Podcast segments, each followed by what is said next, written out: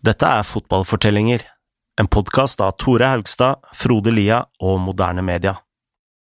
Når Uruguay gjør seg klare til sin debut i OL i 1924, er det knapt noen i Europa som vet hvem de er. I vertsnasjonen Frankrike finner ikke folk Uruguay på kartet. Idet spillerne trasker ut på banen, blir Uruguays flagg hengt opp ned. Nasjonalsangen forveksles med en brasiliansk marsj. Motstanderne, Jugoslavia, har spionert på Uruguays treninger.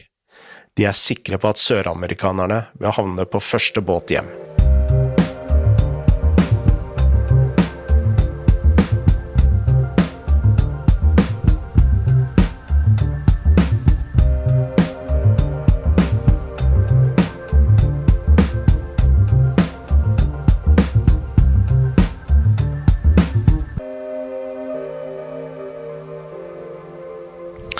I forrige episode snakket vi om eh, hvordan fotballen spredde seg i Uruguay.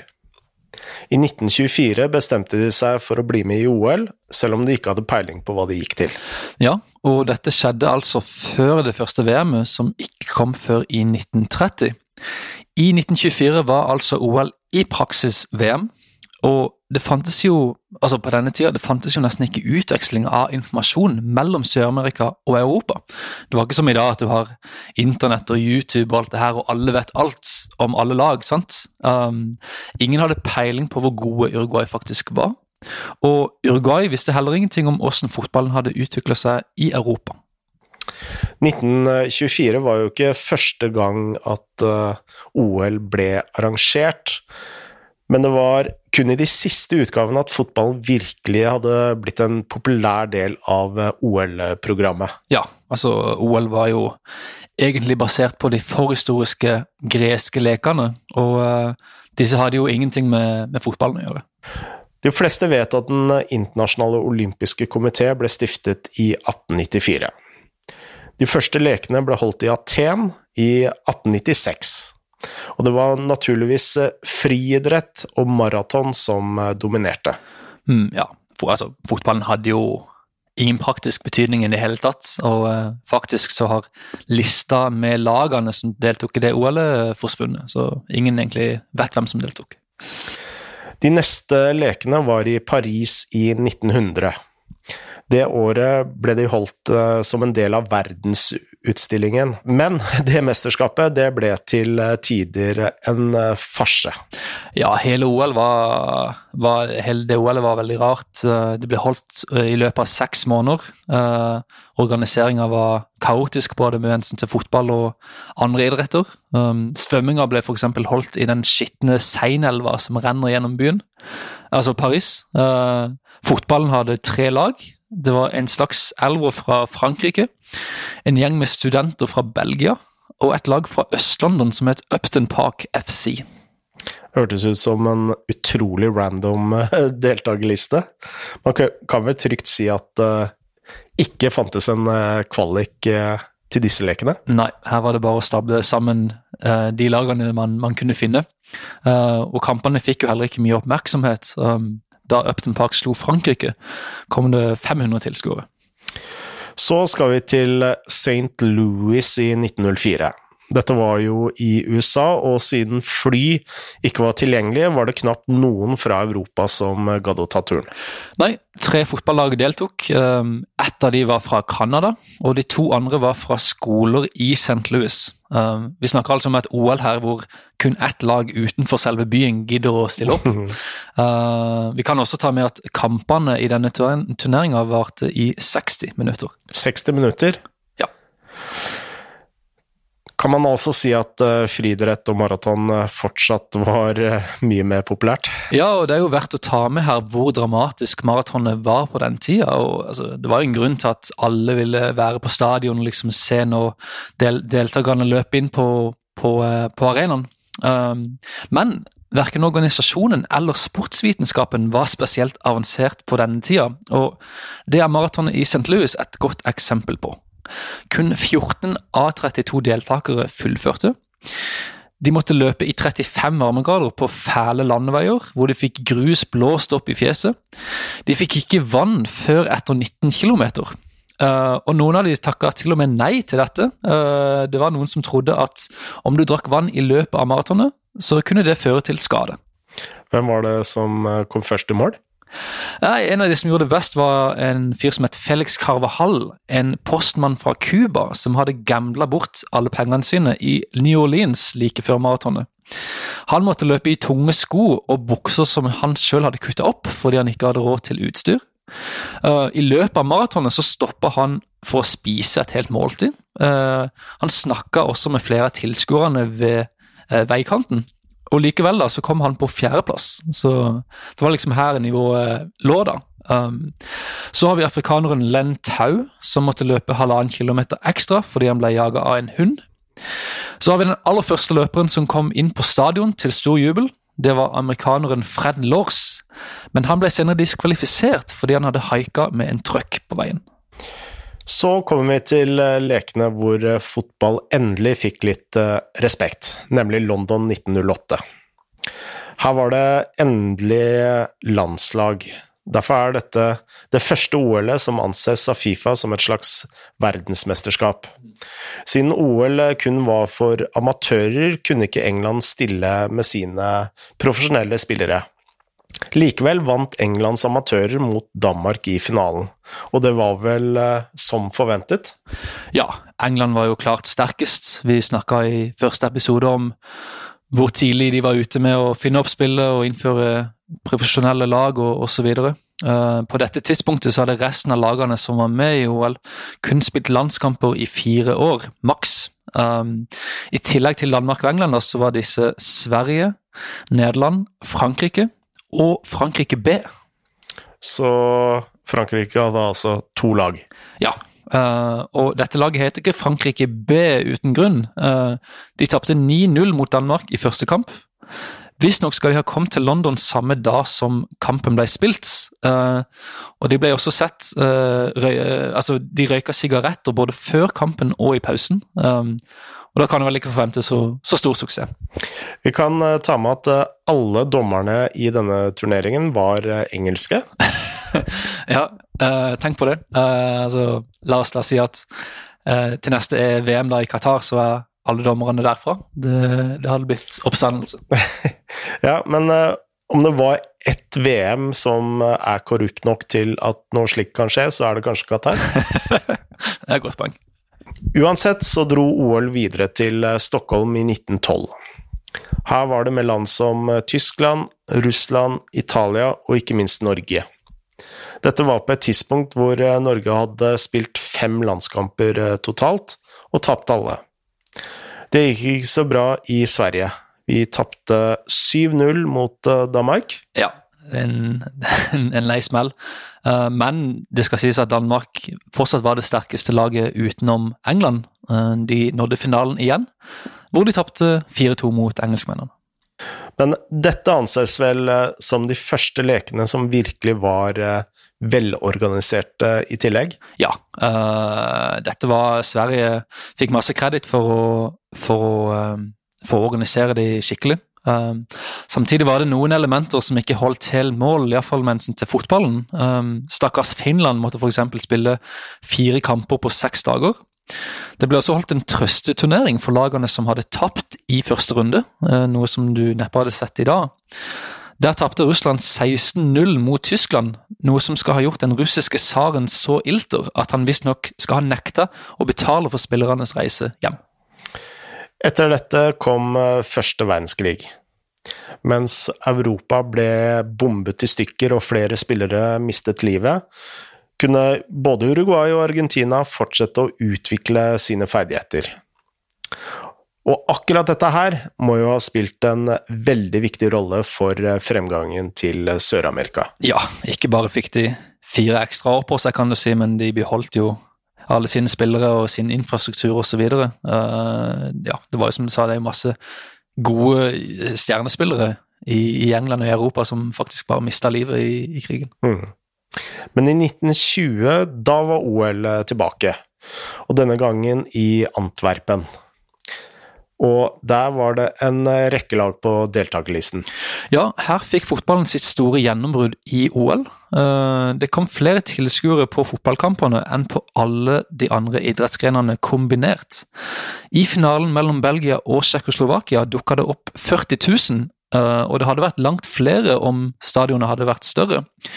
Faktisk var pågangen så stor til den kampen at en gruppe ungdommer gravde en tunnel fra utsida og inn for å få sett kampen.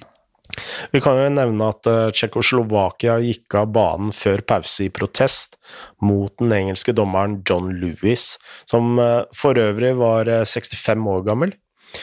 Så stormet publikum banen for å hylle sine belgiske helter. Ja, dette var altså status for fotballen i OL.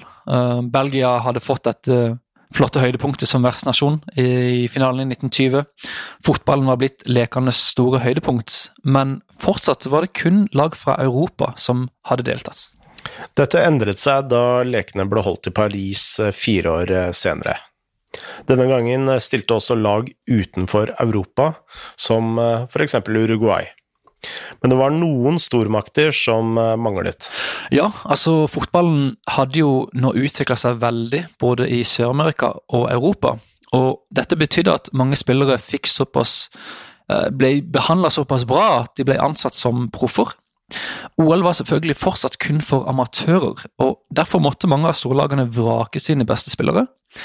En krangel om denne amatørstatusen da, gjorde at flere lag takka nei til OL, blant andre England. I tillegg eh, var vel eh, Tyskland og Østerrike utestengt av eh, krigen? Stemmer. Men det var fortsatt veldig mange sterke lag som var med. Totalt var det 22 lag, blant andre Spania, Ungarn og ikke minst finalistene Tsjekkoslovakia fra 1920. Totalt skulle det komme 300 000 tilskuere for å se disse kampene. Um, og det ga jo et bilde av en, en turnering som fortsatt var veldig veldig mm. prestisjetung. Men uh, det sto altså veldig mye på spill. Men la oss eh, dra tilbake til eh, Uruguay et sekund. De hadde bestemt seg for å delta mot disse europeiske gigantene, kan vi jo kalle dem. Mm. De hadde et eh, lag som hadde vunnet Copa America året før. La oss se på spillerne de faktisk hadde med seg på båten, for her var det virkelig noen karakterer vil jeg si. Ja, definitivt. Uh, den første vi må begynne med, er kanskje José Nassassi.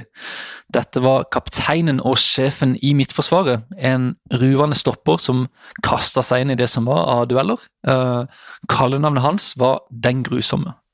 Nassassi høres uh, veldig ut som Giorgio Cellini. Definitivt. En, en kriger med liksom kanskje ja, et, eh, jeg vet ikke, noen eh, sår på hodet og litt blod her og der osv. Uh, brekt nese, iallfall. Brekt nese, garantert. Um, så hadde du en fyr som heter Angel Romano. Uh, en spiller som var såpass glad i å drible at han av og til runda keeper, for så å glemme å sette ballen i mål.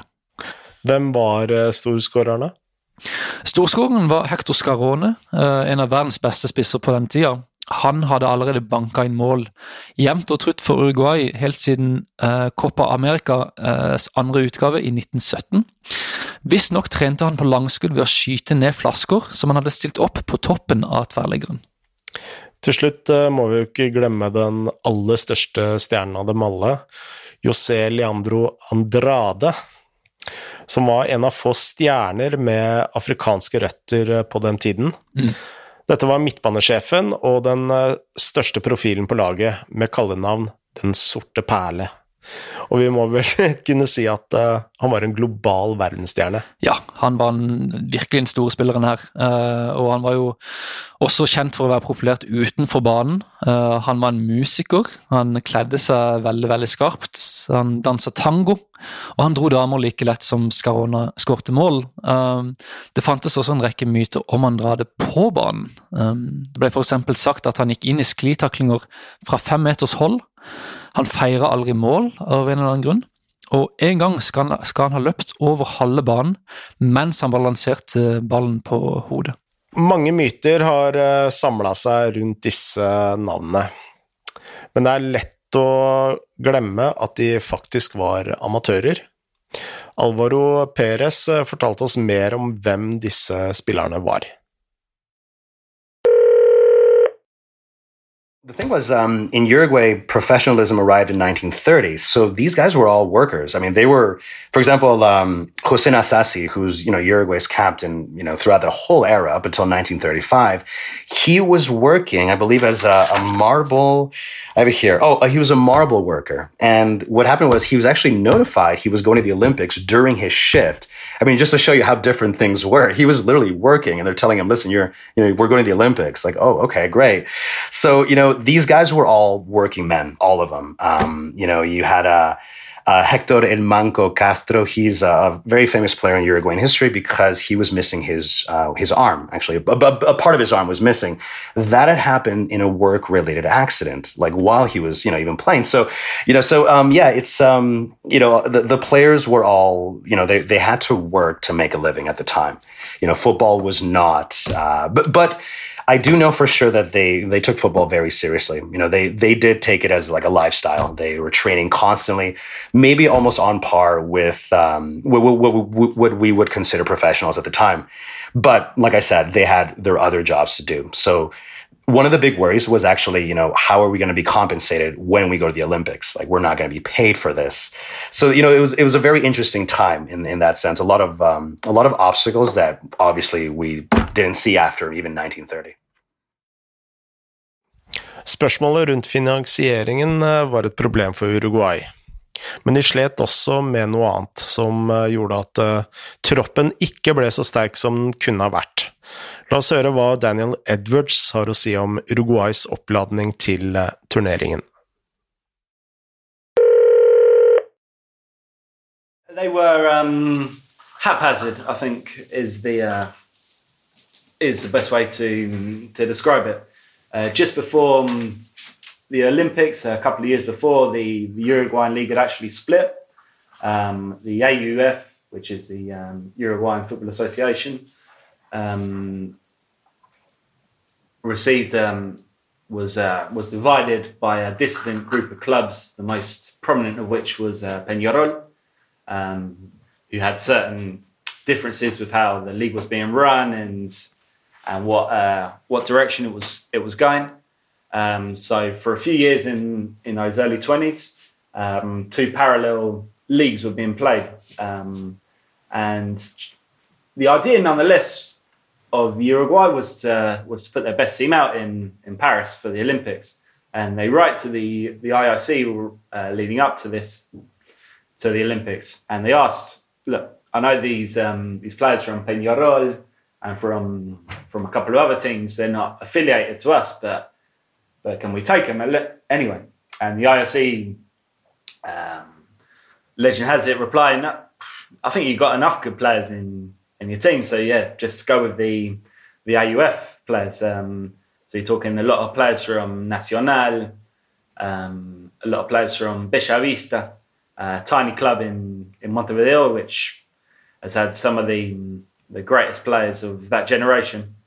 Uh, Liverpool, the local Liverpool team, uh, Montevideo Wanderers, which always struck me as a, a fantastic team name.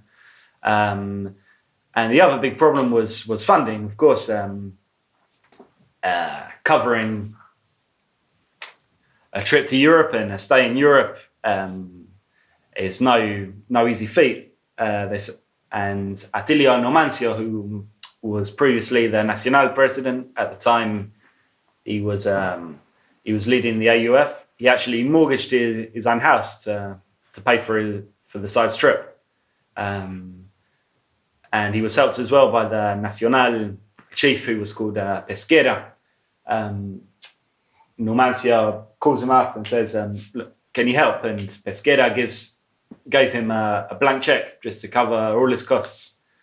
Um, after that, of course, yeah, um, thanks to Peñarol's players, other players dropping out, they barely had enough to to cover a team. Um, by the time they were in Paris, uh, you know, after a three week steamer trip, uh, very uncomfortable conditions. Apparently, the food was terrible uh, by all accounts. Um, they barely had enough players to to form a squad. Um, they ended up inscribing in their official list um, just a a Uruguayan architect who was who happened to live in Paris. Uh, he had played for Nacional, but he was he was well out of football by that time. And another guy as well, who uh, Uruguayan who'd been who'd been living in Madrid. Um, he was told to to get up to Paris and and just stay with the stay with the team just in case anyone found out they didn't actually have have enough players on the list. So yeah, um, I think as befits the the age, fairly fairly improvised, fairly uncomfortable with the, all the preparations. Med så mye trøbbel før avreise skulle man ikke tro at Uruguay hadde en sjanse i OL. Men ikke alt var like kaotisk. Før de kom til Paris, hadde de allerede dratt på en oppvarmingsturné i Spania, hvor de spilte ni kamper. Og innen de hadde kommet til Spania, hadde de allerede hatt en liten preseason på båten over Atlanterhavet. When they first left, they actually um, they actually got the cheapest boat they could buy, which was actually a third class vessel. And as they were leaving, so it was you know there was uh, there was a lot of expectation. It was considered a very historic moment. They were actually trained on the boat by the goalkeeper, who was Andres Massali. He was only 21 years old at the time, and Massali was actually a South American rowing champion in 1920, I believe. So he was considered sort of the expert in physical conditioning conditioning. So, you know, th- the fact that the actual goalie was in charge of all their stretching and conditioning and training and everything on the boat is very interesting, I always found. They finally arrived to Vigo uh, in Spain to uh, actually a massive reception. There was a lot of people waiting for them at the time. So there was a, I think there was a bit of excitement at the novelty of, you know, who are these guys? They're coming from from South America. They speak Spanish, um, and um, at, at, this point they had already organized for these friendlies to play. So you know they were they were arriving to Spain for that particular reason, right? But like I said, they when they arrived, yeah, there was uh, there was definitely some fanfare in you know in that regard.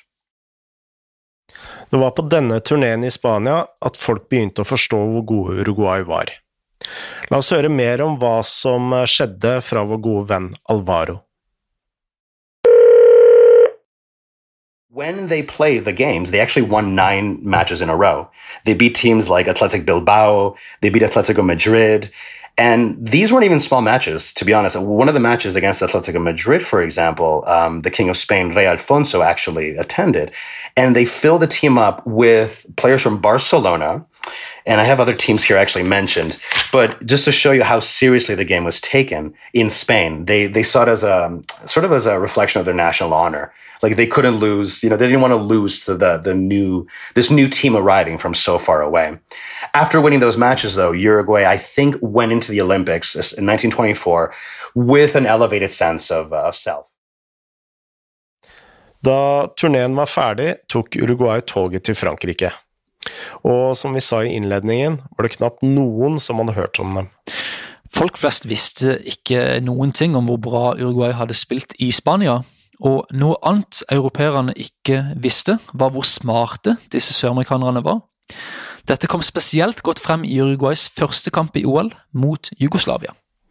Jeg leste en historie her om at eh, Jugoslavia hadde sendt en spion for å se Uruguays uh, trening.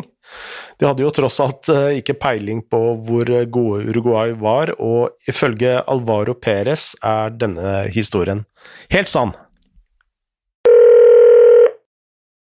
So you have to remember this was a, a direct knockout competition. So what happened was um, Yugoslavia sent two spies, which apparently were recognized uh, quickly by the Uruguayan delegates or the players. So what happened was the Uruguayans purposely uh, staged a practice, which was total comedy. You know, the, the players were shooting balls 20 minutes wide, and I'm actually reading this from the official from the accounts of the time. Um, they would screw up simple touches, miss open nets, head the ball backwards. They would actually bump into each other, the players, to show that they were completely, you know, uncoordinated.